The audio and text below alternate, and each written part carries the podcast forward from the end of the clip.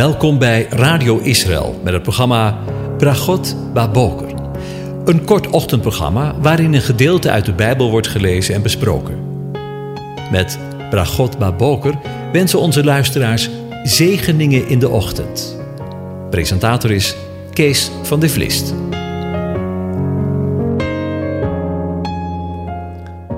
Goedemorgen, Bokatov, beste luisteraars. Vanmorgen denken we weer verder na over het levende water. En we lezen vanmorgen een gedeelte uit Johannes 7 over de prediking van Jezus op het Loofhuttenfeest. Jezus zei dan tegen hen: Nog een korte tijd ben ik bij u, en dan ga ik heen naar Hem die mij gezonden heeft. U zult mij zoeken, maar niet vinden. En waar ik ben, kunt u niet komen. De Joden dan zeiden tegen elkaar: Waar zal die naartoe gaan? Dat wij hem niet zullen vinden. Hij zal toch niet naar de Grieken in de verstrooiing gaan en de Grieken onderwijzen? Wat is dit voor een woord dat hij gezegd heeft? U zult mij zoeken, maar niet vinden. En waar ik ben, kunt u niet komen? En op de laatste, de grote dag van het feest, stond Jezus daar en riep: Als iemand dorst heeft, laat hij tot mij komen en drinken. Wie in mij gelooft, zoals de schrift zegt, stromen van levend water zullen uit zijn binnenste, letterlijk uit zijn buik, vloeien. En dit zei hij over de geest, die zij die in hem geloven ontvangen zouden, want de Heilige Geest was er nog niet, omdat Jezus nog niet verheerlijkt was. Velen dan uit de menigte die dit woord hoorden zeiden: Hij is werkelijk de profeet. Tot zover. Ja, naar aanleiding van uh, Psalm 104, waar in verschillende versen gesproken wordt over het water, denken we al een paar afleveringen na over het levende water waar Jezus, Yeshua, over spreekt in onder andere Johannes 7. De voorgaande keer hebben we met elkaar stilgestaan bij de twee stromen van het levendmakende water die binnenkort uit de tempel zullen stromen. Naar het oosten, maar naar de nu nog dode zee, achterste zee, de Middellandse Zee. Jezus doet namelijk de uitspraak op de laatste, de grote dag van het feest. Als iemand dorst heeft, laat hij tot mij komen en drinken. Wie in mij gelooft, zoals de schrift zegt, zo stromen van levend water zullen uit zijn binnenste, letterlijk uit zijn buik vloeien. De apostel die deze woorden pas later opschreef, geeft daar ook zijn commentaar op, want we lezen: En dit zei hij, dat is Jezus, Yeshua, over de geest, die zij die in hem geloven ontvangen zouden, want de Heilige Geest was er nog niet, omdat Jezus nog niet verheerlijkt was. De woorden die Jezus dus uitsprak over het levende water, sprak hij aangaande of over de geest dus. We lezen daarvan bijvoorbeeld ook in Jesaja 44. Maar luister nu, Jacob, mijn dienaar, Israël, die ik verkoren heb. Zo zegt de Heere, uw maker en uw formeerder van de moederschoot af, die u helpt. Wees niet bevreesd, mijn dienaar Jacob, Jesjurin, die ik verkoren heb, want ik zal water gieten op het dorstige en stromen op het droge. Ik zal mijn geest op uw nageslacht gieten en mijn zegen op uw nakomelingen. Zij zullen opkomen tussen het gras, als wilgen aan de waterstromen. De een zal zeggen: Ik ben van de Heere. Een ander zal zich noemen met de naam Jacob. Weer een ander zal zich met zijn hand schrijven van de Heere en de erenaam Israël aannemen. Jezaja spreekt er weer in andere bewoording over. De woestijn en de dorre plaatsen zullen vrolijk zijn de wildernis zal zich verheugen en in bloei staan als een roos. En we zien daar nu in Israël al voorbeelden van. Dat door allerlei intelligentie en irrigatie de woestijn bloeit als een roos. Maar binnenkort zal de Heere zelf er zorg voor dragen. Dat door middel van het levendmakende water, letterlijk vanuit de tempel, het land zal irrigeren en het land tot volle bloei zal komen. In Jesaja 55 lezen we namelijk dat het door regen uit de hemel zal plaatsvinden. Luister maar. Want zoals de regen en de sneeuw van de hemel neerdaalt en daarin niet weerkeert, maar doorvochtigt eerst de aarde en maakt haar vruchtbaar en doet haar uitspruiten en geeft zaad aan de zaaier en brood aan de eter. Alzo zal mijn woord, dat uit mijn mond uitgaan, ook zijn.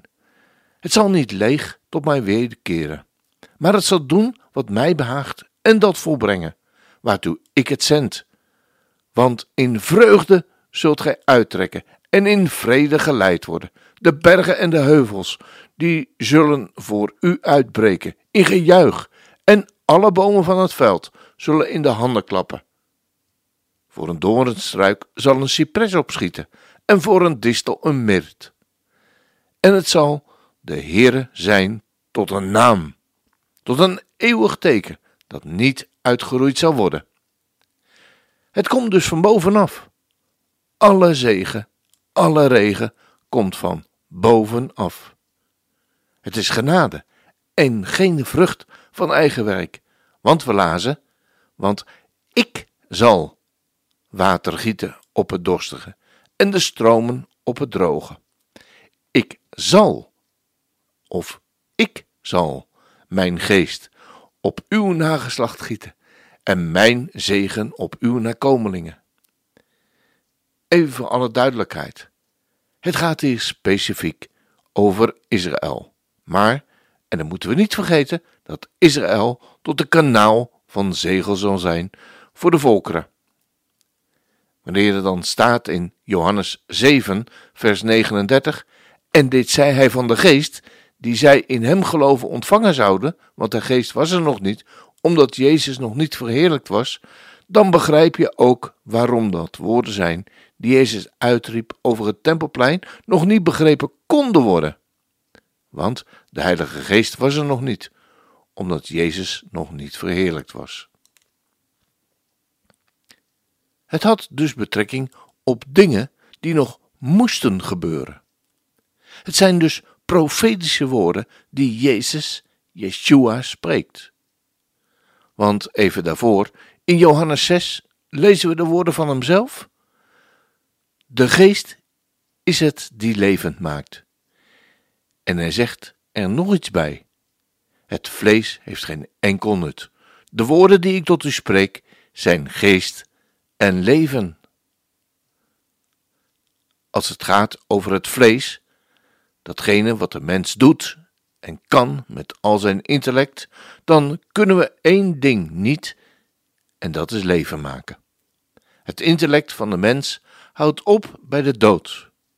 Meer kan hij niet. Dat is het plafond. Dat is de muur waar we tegenaan lopen. Dan kunnen we er niets mee. Met al onze kunde, met al onze kennis, loopt hier het hierop uit. Het vlees doet geen nut. Als je overleden bent, wanneer je dood bent, ja, van wie ben je dan afhankelijk? Nou, niet meer van een mens hoor. Het is namelijk de geest van God die levend maakt. Want geest is namelijk leven. Als je de geest krijgt, dan kom je tot lezen. Lees Genesis 1 en 2 maar eens. En wanneer je de geest geeft, ja, dan overlijd je. Maar dan zegt Jezus er iets bij in Johannes 6. De woorden die ik tot u spreek, zijn geest en zijn leven. Hier worden de beide begrippen dus in één naam, in één adem genoemd: geest en leven, water en geest, want geest is leven. Jezus, Yeshua spreekt hier over het woord. Luister maar. De woorden die ik tot u spreek, die zijn geest en zijn leven. Het gaat dus om het woord, want dat brengt leven voort. Als dat geen zegen is. Inderdaad, de woestijn zal bloeien als een roos en de steppen zal jubelen en juichen, want het levend water van Gods geest maakt dorstig land tot waterstromen. Sta op, Sion, en juich, want de Heere heeft u verlost. Want de lammen zal springen als een hert, en de stomme zal jubelen en juichen.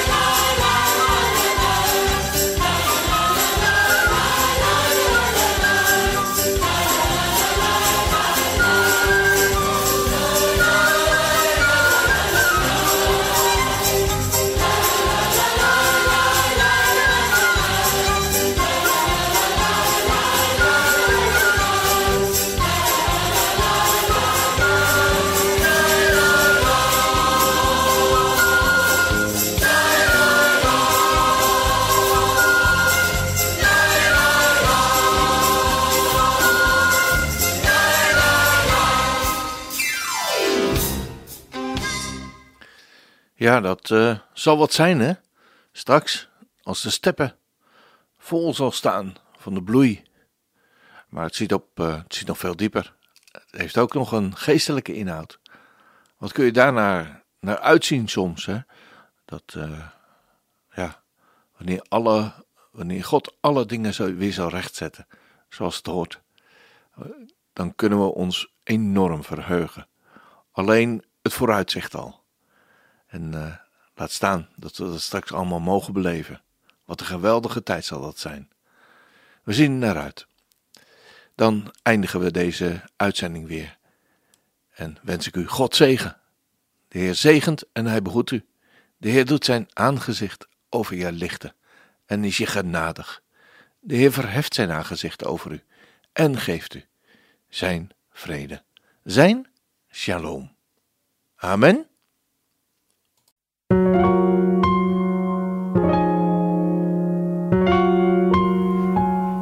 U hebt geluisterd naar het programma Bragot Baboker. Een kort ochtendprogramma waarin een gedeelte uit de Bijbel wordt gelezen en besproken. Wilt u het programma nog eens naluisteren, dan kan dat. Ga naar radioisrael.nl en klik onder het kopje radio op Uitzending gemist.